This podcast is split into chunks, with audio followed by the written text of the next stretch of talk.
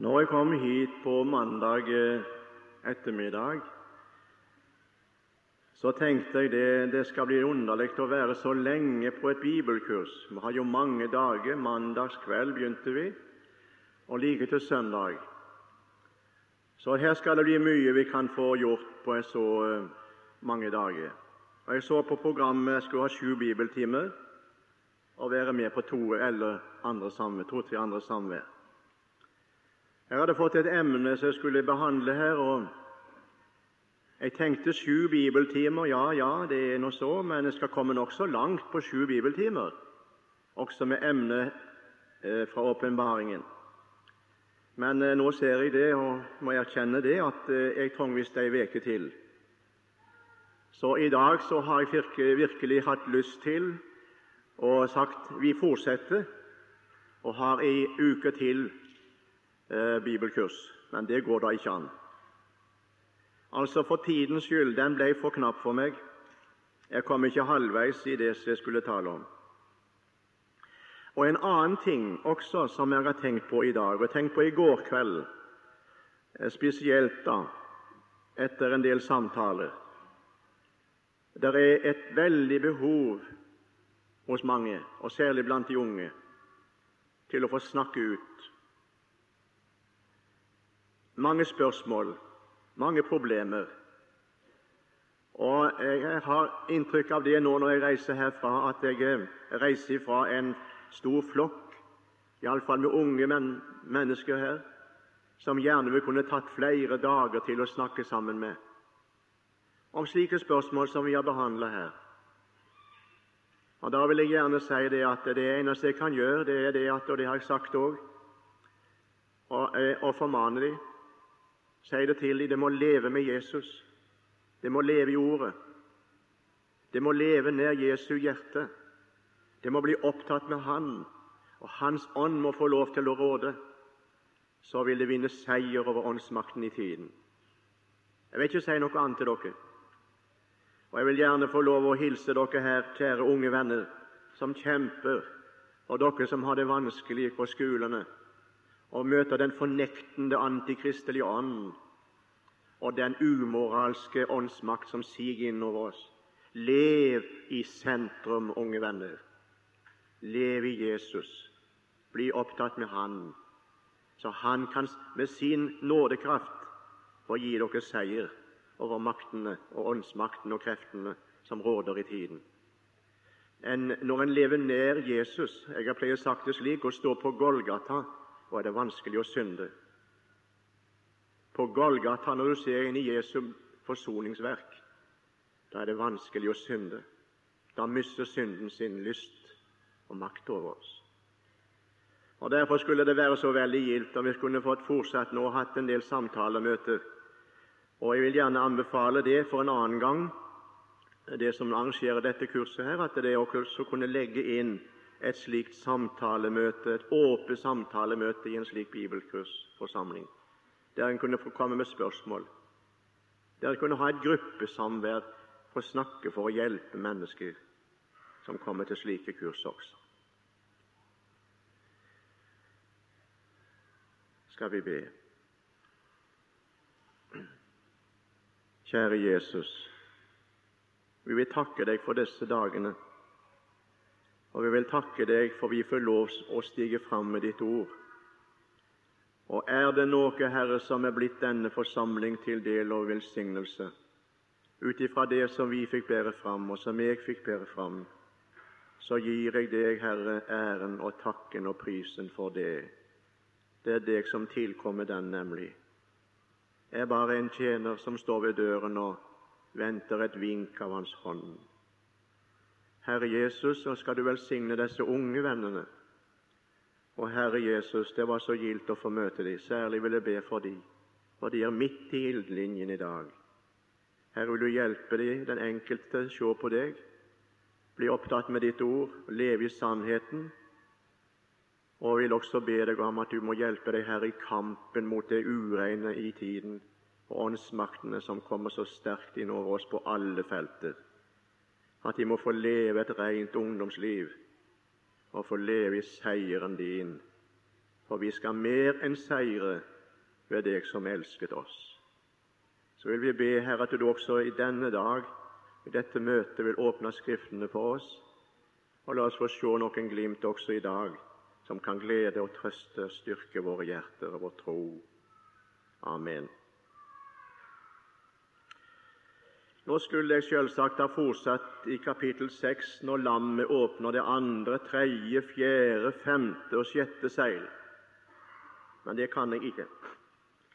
Og jeg skulle fortsette i kapittel 8 når lammet åpner det syvende seil. Nå skal vi lese kapittel 7 i åpenbaringen, som er kalt for åpenbaringsbokens parentes. Åpenbaringsbokens parentes. Fordi at etter at det sjette seil er brutt av lammet, og før han åpner det syvende seil, kommer det da et syn fra Johannes som han ser to ting som er som en parentes i det hele. Nå skal vi lese det i Jesu navn. Deretter så jeg fire engler som sto på jordens fire hjørner og holdt jordens fire vinder for at det ikke skulle blåse noen vind over jorden eller over havet eller på noe tre. Og jeg så en annen engel som steg opp fra solens oppgang og hadde den levende Guds seil. Og han ropte med høy røst til de fire engler som var gitt å skade jorden og havet, og sa:" Skad ikke jorden eller havet eller trærne, før vi har satt innseil på vår Guds tjenere i deres panner. Og jeg hørte tallet på dem som var beseglet. 144 000 beseglede av alle Israels barns stammer. Av Judas stamme 12 000 beseglede, av Rubens stamme 12 000, av Gads stamme 12 000, av Naftali stamme 2000, av Manasses stamme 12 000, av Simeons stamme 12 000, av Levi stamme 12 000, av Isakars stamme 12 000, av Sebulons stamme 12 000, av Josefs stamme 12 000, av Benjamins stamme 12 000 beseglede. Deretter så jeg, og se, en stor skare som ingen kunne telle, av alle etter og stammer og folk og tunger, som sto for tronen og for lammet, kledd i lange, hvite kjortler og med palmegrener i sine hender. Og de ropte med høy røst og sa:" Frelsen tilhører vår Gud, Han som sitter på tronen, og lammet. Og alle englene sto omkring tronen og om de eldste, om de fire livsvesener. Og de falt ned for tronen på sitt åsyn og tilba Gud og sa Amen. Velsignelsen og prisen og visdommen og takken og æren og makten og styrken tilhører vår Gud i all evighet. Amen. Og en av de eldste tok til orde og sa til meg:" Disse som er kledd i de lange, hvite kjortler, hvem er de, og hvor er de kommet fra? Og jeg sa til ham, Herre, du vet det. Og han sa til meg, dette er de som kommer ut av den store trengsel, og de har tvettet sine kjortler og gjort dem hvite i lammets blod. Derfor er de for Guds trone og tjener ham dag og natt i hans tempel. Og han som sitter på tronen, skal reise sin bolig over dem. De skal ikke hungre mere, heller ikke tørste mere. Solen skal heller ikke falle på dem eller noen hete. For lammet som er midt for tronen, skal vokte dem og føre dem til livsens vannkilder, og Gud skal tørke bort hver tåre av deres øyne. Amen.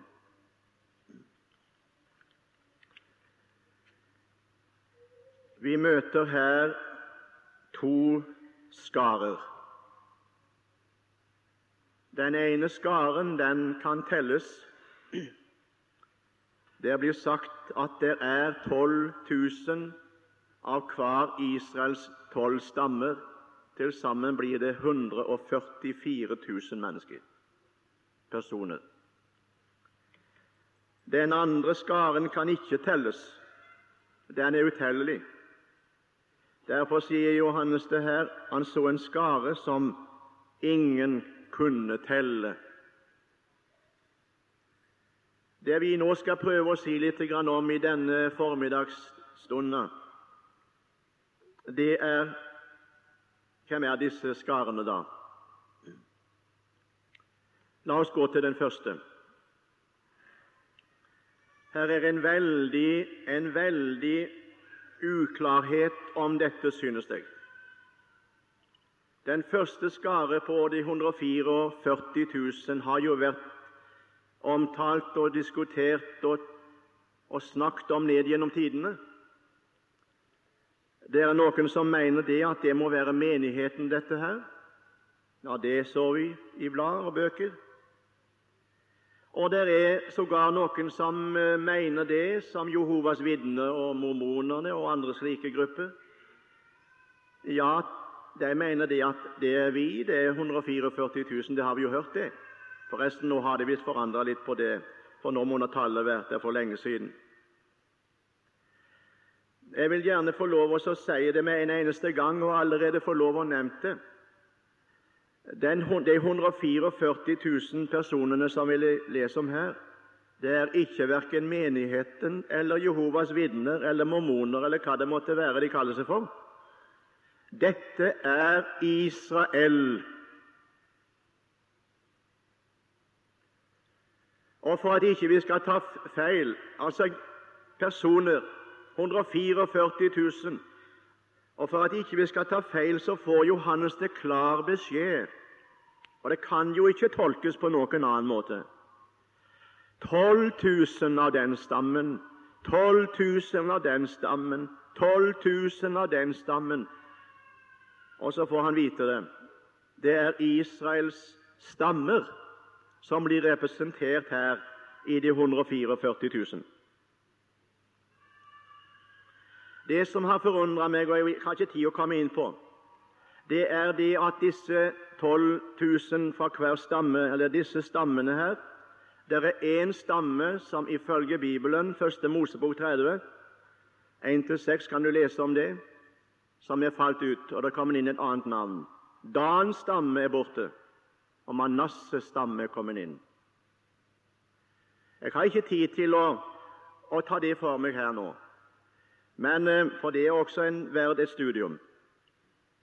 Men eh, det som skal understrekes her, det er det at vi skal ikke være i tvil om at her er skjedd noe i Israel blant Herrens utvalgte folk etter kjødet.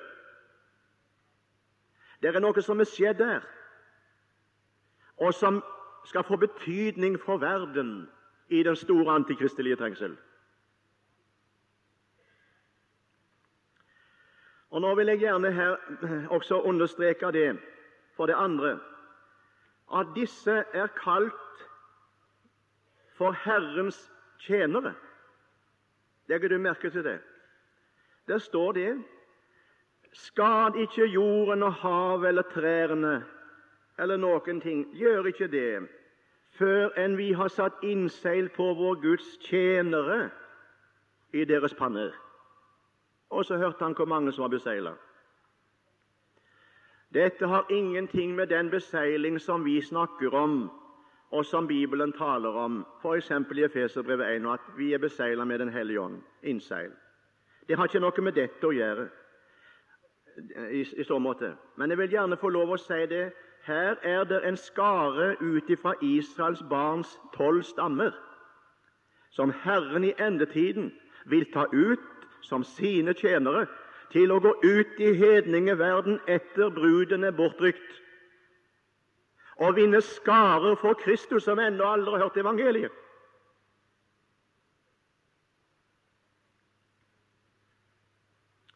Jeg ser det klart ut ifra Guds ord at det er det det skal gjøre for, for tjenere. Det skal, ikke bare, det skal ikke bare ha navn av å være tjenere, det skal få lov å tjene også. Og Jeg må gjerne få si det at det er, for meg har vært veldig fint å lese dette, at i trengselstiden, når antikristens trengselstid kommer over jord, er det en skare personer som skal gå ut i hedningeverdenen med evangeliet, og som Antikrist ikke skal kunne ødelegge.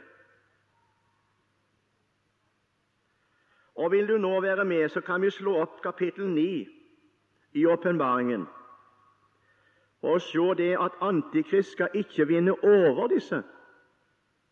Kapittel 9, 1 følgende. Og den femte engel blåste i basunen, og se en, sto en stjerne som var falt ned fra himmelen, og nøkkelen til avgrunnens brønn ble gitt den. Og den åpnet avgrunnens brønn, og en røk steg opp av brønnen som røken av en stor ovn. Og solen og luften ble formørket av røken fra brønnen. Og ut av røken kom det gresshopper over jorden, og det ble gitt dem makt, slik som skorpionene på jorden har. Og det blir sagt til dem Lag merke til det. Og det ble sagt til dem at de ikke skulle skade gresset på jorden, heller ikke noe grønt, heller ikke noe tre, men bare de mennesker som ikke hadde Guds seil i sine panner. Bare de mennesker som ikke hadde Guds seil i sine panner. Altså Her ser vi at disse personene som er besegla, og som vi leser om i kapittel 7, skal gå klar. Det synes å være tydelig og klart. Ikke skade, ikke ødelegg. Bare disse, la de gå klar, som har seile, beseilingen i sine panner. Vi går til det tredje punkt, og så skal vi se hva det står i Åpenbaringen 14, 1-4. Her står det også omtalt om disse. Og Jeg har ikke tid til å legge det ut i detaljer. Jeg vil bare få vise til, og det som er hensikten med dette i dag, det er å vise til det at her er det skjedd noe i Israel, i Guds, i Guds eh, folk etter kjødet. Her er det skjedd noe. Han tar ut en tjenerskare for seg før den store tengselen begynner og han skal bruke dem. Kapittel 14, 1. Og jeg så, og se, lammet sto på Sionsberg, og med de 144 000 som hadde dets navn og dets faders navn skrevet på sine panner. Og jeg hørte en røst fra himmelen som lyden av mange vann og som lyden av en sterk torden og røsten jeg hørte, var som av harpespillere som spilte på sine harper. Og de sang en ny sang for tronen og for de fire lystvesener og de eldste, altså menigheten. Og ingen kunne lære sangen uten de 144 000, de som er kjøpt fra jorden. Og Det blir så mange ganger tenkt og snakket om at det må være menigheten som er kjøpt fra jorden. Nei, dette gjelder spesielt disse personene som det står om i kapittel 7. Og Så kommer det noe som jeg ikke kan tolke her i dag. Disse er de som ikke har gjort seg urene med kvinner, for de er som jomfruer. Disse er de som følger lammet hvor de går, det går. Disse er kjøpt fra menneskene til en førstegrøde for Gud og lammet. Her også blandes det sammen at det er førstegrøden, det er klart. Det må være Guds forsamling, det må være de troende. Her tror jeg jeg vil gjerne si det slik dette er første grøden av den store innhøstningen i dette folk. Det er Israels innhøstning. Første grøden. Senere skal hele Israel bli frelst. I deres munn blir ikke funnet løgn, for de er uten lyte. Jeg kan ikke komme inn på dette mer nå. Jeg tror det at dette folk, jeg tror det, kjære forsamling, at når Israel dette kjødet, dette folk, dette underlige folk der nede i Midtøsten, når de får se Jesus som sin frelser, skal det bli et misjonerende folk. Og enda er det ikke, enda skjer det ikke. Enda kan vi ikke se det at Israel som folk er blitt omvendt. Men jeg vil gjerne tro, og si det slik, jeg tror at Gud tar ut en skare av dette folk før enn den store trengselen for å bruke dem som sine tjenere etter at menigheten er rykt bort. Etter at menigheten er tatt bort. Siden du kan lese i Romerbrevet kapittel 11, og jeg kan ikke skjønne dere jeg kan ikke skjønne det at en kan tolke på noen annen måte enn når Israel blir antatt, og evangeliet blir mottatt av Israel, skal det bli mer enn liv av døde. Ble det til velsignelse, skriver apostelen, at de ble forkasta, og de forkasta evangeliet, for da kom evangeliet til oss, skal det bli mye annerledes og større resultater når dette folk åpner seg for evangeliet og godtar og tar imot Jesus som sin frelser og Messias. Det blir i riket i som skal komme. Men før den store trengselen vil han ta ut personer fra Israel som vil gå ut i hedningeverdenen og forkynne evangeliet, og den store skare skal vinnes for Kristus. Det er underlig å følge med. Jeg er veldig interessert i det som skjer der nede. Men det er underlig å tenke på dere at et folk som nå er kommet til Israel De er kommet fra 100 forskjellige land, og vel så det. er 4,5 millioner kommet der nå. Eksporten var der nede nå i forrige måned kan du, en, en kjent mann der nede, kan du si hvor mange troende jøder det er i disse 4,5 millionene? Så sa han toppen 2000. Toppen 2000 lever med tro på Jesus av 4,5 millioner. Men betyr det det at, det ikke, at, ikke er, at ikke Gud arbeider? Jo, det gjør han. Og det sværeste av alt det er det at det kommer jøder fra Amerika, fra Russland, fra andre kanter av verden og kommer til Jerusalem og opplever, uten at vi kan forstå det, ved å stå ved klagemuren, opplever de å motta Messias. Tenk det. De opplever Skriftene går i oppfyllelse. Og at det er en flokk av israelitter, om det er ortodokse jøder eller hva det må kalles for, det vet ikke vi, men at det er en flokk som skal vinnes for Kristus før den store innhøstningen. Det er førstegrøden for Gud og landet i dette folk. Overrabbineren i Jerusalem han sto en dag i en av de store synagogene der nede, den største de har i Jerusalem. Han talte til mennene som satt i salen, for det, det er jo bare mennene som sitter der. Kvinnene står på galleriet, som kjent. Men også står han der, og han, så sa han Israelittiske menn, de har et veldig ansvar, sa han. De har ansvar nå å føre eh, eh, Jesus fra Nasaret tilbake til Eretz Israel. Det er deres ansvar. Han er hos hedningefolkene nå, men han er ikke hedningefolkene sin mann. Han er vår mann.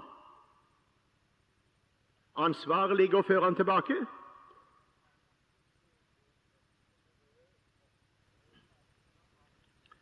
En professor i nytestamentlig teologi som eh, foreleser på universitetet, det hebraiske universitetet på Skopusfjellet i Jerusalem, sto i Oslo og talte i Studentersamfunnet. Jeg vil bare få understreke det. Ikke mindre enn seks professorer i nytestamentlig teologi er å finne på det universitetet i dag. Ikke bare gammeltestamentlig, men nytestamentlig teologi så står han der Og så sa han, når han kom opp på talerstolen, så sa han på engelsk da, Jeg er kommet hit til Oslo for å forkynne dere og fortelle dere om Jesus fra Nasaret. Og så snakket han så fint om Jesus. Så var det en av en kjent av meg som var nede på det møtet der. Og Så reiste han seg opp etter han hadde talt, denne professoren, og så sa han kan jeg få lov å stille professoren et spørsmål. Tror professoren at Jesus fra Nasaret er den kommende Messias? Så svarte han momentant I hope that. Jeg håper det. Når vi tenker på at de for år tilbake var det en skam, en grusomhet, å nevne Jesu navn i Israel blant jødene. Når de hørte det navnet, og to jøder møttes, og den ene han nevnte Jesus, så var det navnet så forhatt, skjønner du, at da spytta den andre tre ganger på jorda og sa tvi, tvi, tvi, sa han. Det opplever du aldri i dag.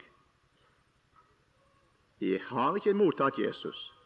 Jeg snakket med en, eh, en drosjesjåfør nede i Israel nå. Han rista bare på skuldrene når jeg kom inn på dette med Jesus Messias.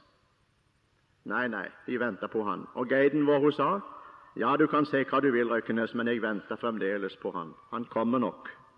Jeg sa han er kommet, han er kommet, kjære deg, Helena. Han er kommet. Nå, han kommer. Vi venter på han. Disse 144 000 er iallfall Herren som plukker ut. Og Det som også er veldig fint å legge merke til Nå skal jeg ikke tale mer om Israel her, men det som er veldig fint å legge merke til, det er det at de som kommer til Israel i dag, og som arbeider og studerer med Skriften, arbeider med Skriften osv., de er veldig opptatt med dette med stammene. De studerer, de gransker, hvor er de ti stammene blitt av som ble bortført til Syria? Hvor er de blitt av? De to stammene det kan de vel finne. Men de ti stammene, hvor er de henne? De mener de at de må være, de må være en stad. Og nå undersøker de, Når de kommer fra forskjellige land i verden, så undersøker de nå hva stamme de egentlig skulle tilhøre. Og når de har sin uavhengighetsdag i Israel, så heiser de tolv flagg. Tolv flagg tolv lysestaker. Tenne tolv lysestaker for å vise det at det er tolv stammer. Vi vet ikke hvor de stammene ble av, og vi kan ikke plukke de ut, men Herren vet det. Og Han vet å finne de fram. Og så sier Han det skal en skare av hver stamme. Dans stamme falt ut, men Manasses stamme, Josefs sønns stamme, skal komme inn. Det skal iallfall 12 000 av hver stamme spredes omkring i verden etter at menigheten er bortrykt. Mennesker som har fått liv i Gud, som er kjøpt med Jesu blod, som synger en ny sang, og som lever med Herren og går ut i folket i verden i den store trengselstid. Så går vi til neste skare. Vi skal si litt om den. Og her er også veldig, veldig mye uklarhet, synes jeg. For som jeg sa her tidligere, så er det liksom menigheten alt. Nei, det er nok ikke det, du. Jeg vil gjerne slå det si det tindrende klart her at her er det ikke tale om, om menigheten slik som vi får lov til å tale om den her nå. Personlig så er det min fulle overbevisning at det første som skal skje, og det har jeg prøvd å poengtere litt her disse timene, det er den skal rykkes til himmelen. Og her representeres menigheten i de 24 eldste, som vi har lest om og talt med en annen. Når Johannes ser den store skare som står foran tronen, ikke som sitter på tronen, men foran tronen, den er utallelig, sier han. Den kunne ikke telles. Og Jeg må gjerne få lov å si det at da forstår jeg bare én ting, og det er det at det må ha blitt en veldig innhøstning, en veldig innhøstning som har skjedd når skaren er så stor. Og jeg må understreke det her også, at denne skare er av alle etter, stammer, folk og tunger. Ikke alle etter, stammer, folk og tunger, men fra alle stammer, folk og tunger. De står for tronen og for lammet, skrev Johannes. De har hvite klær, likt kledd likt de som sitter på tronene. Men forskjellen på de som sitter på tronene, som er menigheten, og den store skare foran tronen, det er dette at den som sitter, de som sitter på tronene, som er Jesu Kristi brud og menighet, de har kroner på sine hoder, mens de som står foran, har palmegrener i sine hender. Johannes blir spådd. du, Johannes, kan du fortelle meg hvem det er? Nå bruker jeg mine ord. Hvem er de? spør en av de eldste. Johannes, Herrens tjener, som har fått levd med Herren, og som vet hva det er for noe han snakker om, stiger fram og så sier han, jo da, den flokken kjenner jeg. Det er jo de jeg har skrevet om. Det er jo de vi taler om, og som jeg sjøl tilhører. Jo da, det er de frelste. Det er din brud, kjære frelser. Det er din menighet, dette her. Jo da, jo da. Johannes han står så ser han denne skaren. Han er overvelda over synet. Og så svarer han de eldste Eh, den eldste som spør han hvem dette er, så svarer han, 'Herre, du vet det.' Jeg vet det ikke. Jeg har aldri tenkt å møte en sånn skare. Jeg vet hva menigheten er. Jeg vet hvem de frelste er. Det er alle som tok imot Jesus. Det er alle som er frelst i lammets blod. Men dette her, det forstår jeg ingenting av. Så nå må du forklare meg hvem er dette her, da? Så sier en av de eldste, for han har greie på det Dette, det er de som kommer ut av den store trengsel ved Antikrist. Det er nemlig det det ligger her. Ikke trengsel generelt i verden. Den store trengsel. Du kan lese om det i Daniels bok kapittel 12 blant annet og i Matteus 24. En trengsel som aldri har vært, verken før eller siden, som skal komme når Antikrist stiger fram. Disse er de som kommer ut av den store trengsel.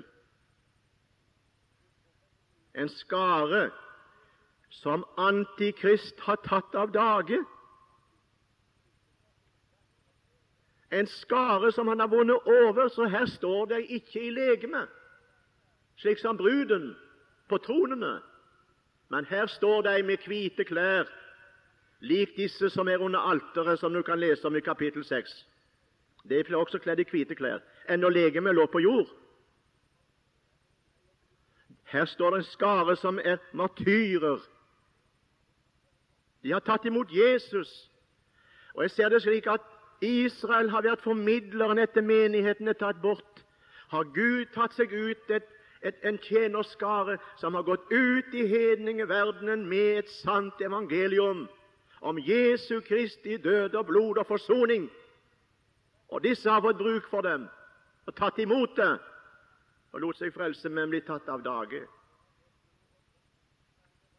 Er Antikrist. Det er martyrskaren som ligger i sine graver, og som er døde med sine døde legemer, inntil kapittel 20. Når Jesus kommer og oppretter sitt rike, da står disse opp og regjerer også med Kristus og lever med Kristus i tusen år. Regjerer med Han, står det. Du kan selv lese kapittel 20. Jeg synes det er så fint å legge merke til når den eldste som har sittet der på tronen og sagt, verdig er du som kjøpte oss til jorden med ditt blod, du Guds slaktede lam. Det er blodets teologi. Det er blodets teologi, kjære venner. Så står det at den eldste sier det, han veit om det. Johannes, vet du hvorfor de er her? Det skal du høre det. La du merke til hva jeg leste? Disse har tvettet sine kjortler, gjort dem hvite i lammets blod. Derfor er de her. Kan du se det, kjære forsamling og venn? Kan du se det at her har de fått et frelsende evangelium? Og nå vil jeg gjerne stille det spørsmål Forkynner vi et frelsende evangelium i folket vårt?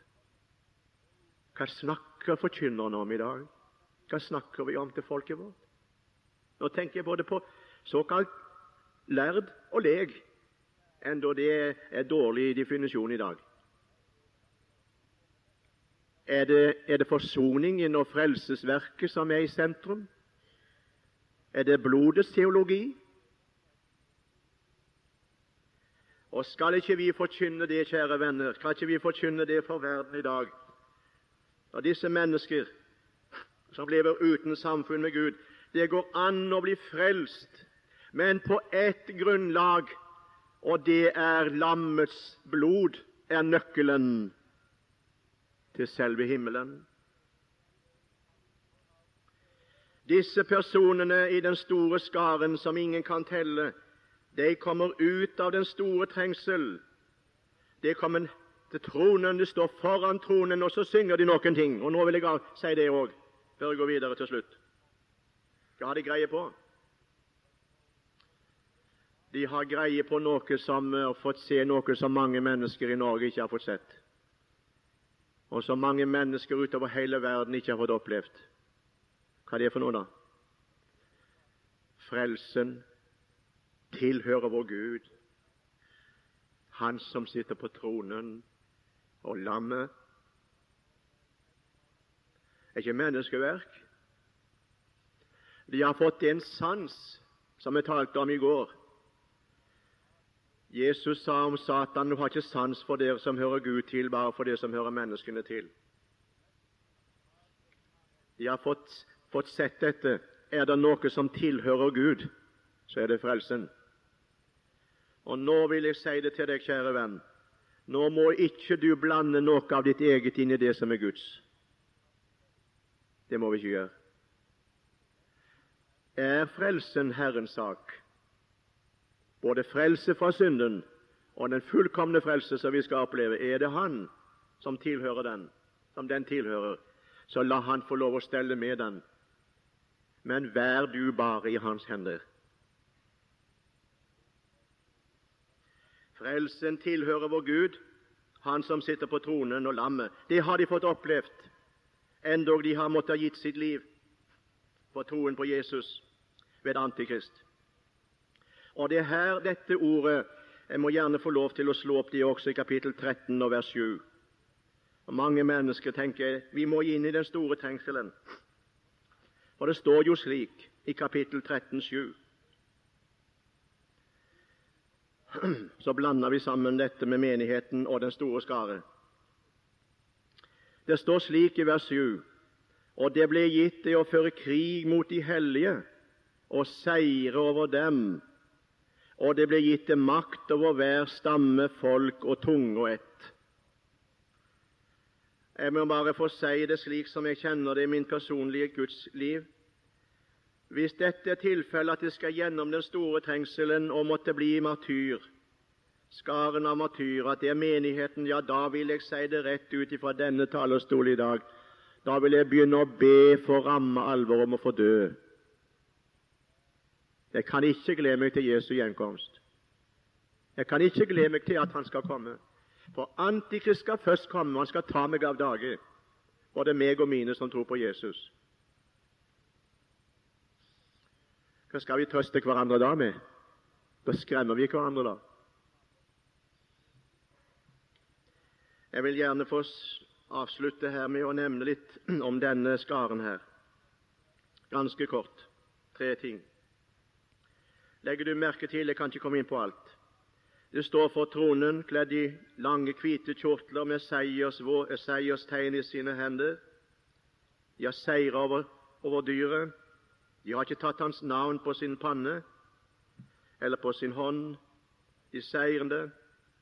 De står med seierspalmen, for de har tvettet sine kjortler, gjort dem hvite i lammets blod. og nå er de for Guds trone og tjener Han dag og natt i Hans tempel, heter det. Og disse har gjennomgått kolossale vanskeligheter. Det ligger på tre plan. Vil du se det? Åndelig trengsel har det vært. Det opplever du òg. Det skal de oppleve i fullt monn.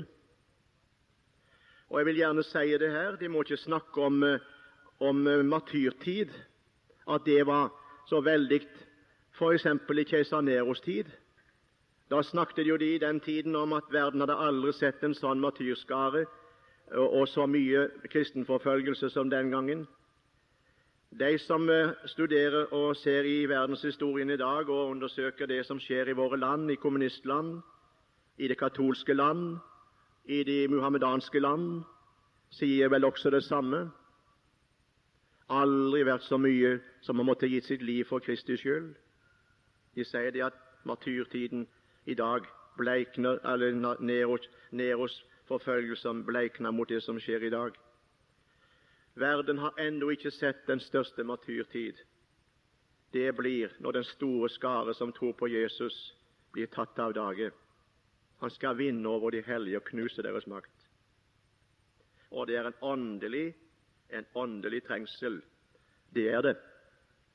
Og det ligger jo i dette her at de har tvettet sine kjortler og gjort dem hvite i lammets blod.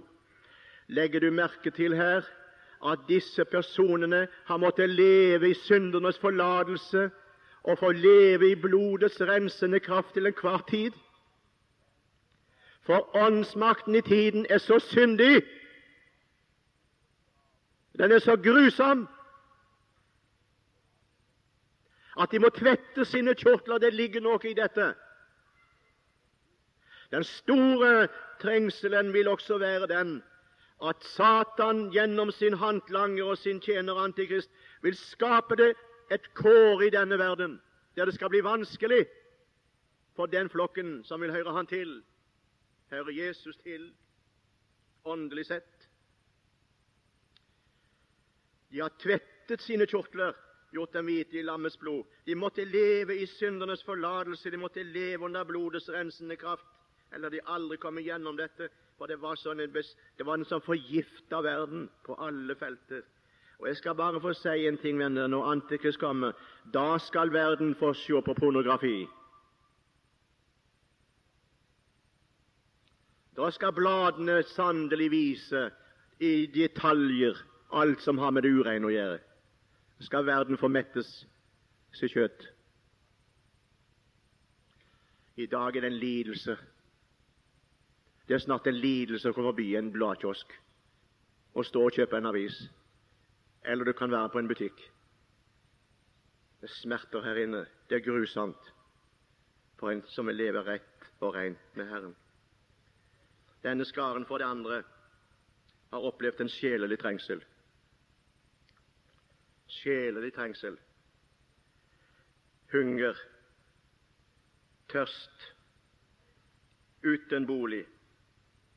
Ja, det står på det legemlige. Men solen skal ikke falle på dem, eller noen hete. Det ligger liksom i det sjelelige. Det har vært en hard tid. Solen skal ikke falle på den det kan ligge på det sjelelige plan. Eller noen hete. det blir vanskelig. Vanskelig sjelelig, vanskelig rent menneskelig, og så legemlig. Hunger, tørst, uten bolig. Og så står det noe, for det har vært veldig mye i den tiden før de kom igjennom, og det er tårene. Vår kjære verden, vår jord, har, har mottatt mye tårer ned gjennom tidene. Men jeg vil gjerne få lov å si det. Den skaren som kommer ut av den store trengsel, har sannelig fått opplevd det. Det var tårer, ja. Det var store floder med tårer ifra en skare som ingen kan telle. Så heter det 'Herren skal tørke bort hver tåre av deres øyne'. Også den legemlige vanskelighet er slutt, den legemlige trengsel. Og jeg vil understreke det her til slutt i dag. Denne skare skal bli tilfredsstilla. Denne skare skal bli tilfredsstilla når de kommer til tronen. Da skal det skje som det står her. Herren skal reise sin bolig over dem. De skal ikke hungre mer, ikke tørste mer. Solen skal ikke falle på dem, men noen heter Herren skal tørke bort hver tåre av deres øyne. Så skal ikke vi vente på at denne skaren skal komme for tronen. Men det vi venter på, det er, kjære venner, la meg få avslutte med det her nå i dag. Vi skal forvente på at Han skal komme. Han som vi er frelst ved, som kjøpte oss til Gud med sitt blod. Vi skal få lov å komme, og så skal vi settes på tronene. Og så skal vi få leve med Jesus, herske med Jesus, leve med Han som Hans brud og Hans menighet. Vi skal alltid være med Herren. Da står det jordet 'trøsta'. Trøsta, ikke skrem, men trøst hverandre. Og det er det vi vil med disse ord. Kjære Jesus. Jeg vil takke deg for jeg får lov til å tilhøre din levende menighet på jord. Og Jeg vil takke deg, Jesus, fordi jeg skal få lov å tro at jeg skal få være med deg når basunen lyder og det ropes 'stig opp her', får jeg lov å tro jeg skal få være med da. Da skal vi fare opp av de skare hjem for å benkes ved himmelens bord. Nå, Herre Jesus, så vil vi også takke deg for du har også fremtiden for denne verden i dine hender. Og det skulle ikke blåses i basunen, det skulle ikke sendes noe straffedom utover verden før enn at du besegla dine tjenere og sendte dem ut i hedningeverdenen med et frelsende evangelium. Herre, vi tror det at mange mennesker, mange, mange, mer enn vi kan telle, skal en dag bli frelst ved Jesu blod etter at vi er kommet bort fra denne jord som din menighet. Herre, vi takker deg for Israel som du vil ta deg av. Må du velsigne oss alle til å få leve i bønn også for dette folk, for det har du sagt vi skal gjøre. Så takker vi for disse dager, Herre, og ber om nåde og velsignelse over oss videre til å ta vare på ditt ord og holde fast ved det inntil du kommer. Amen.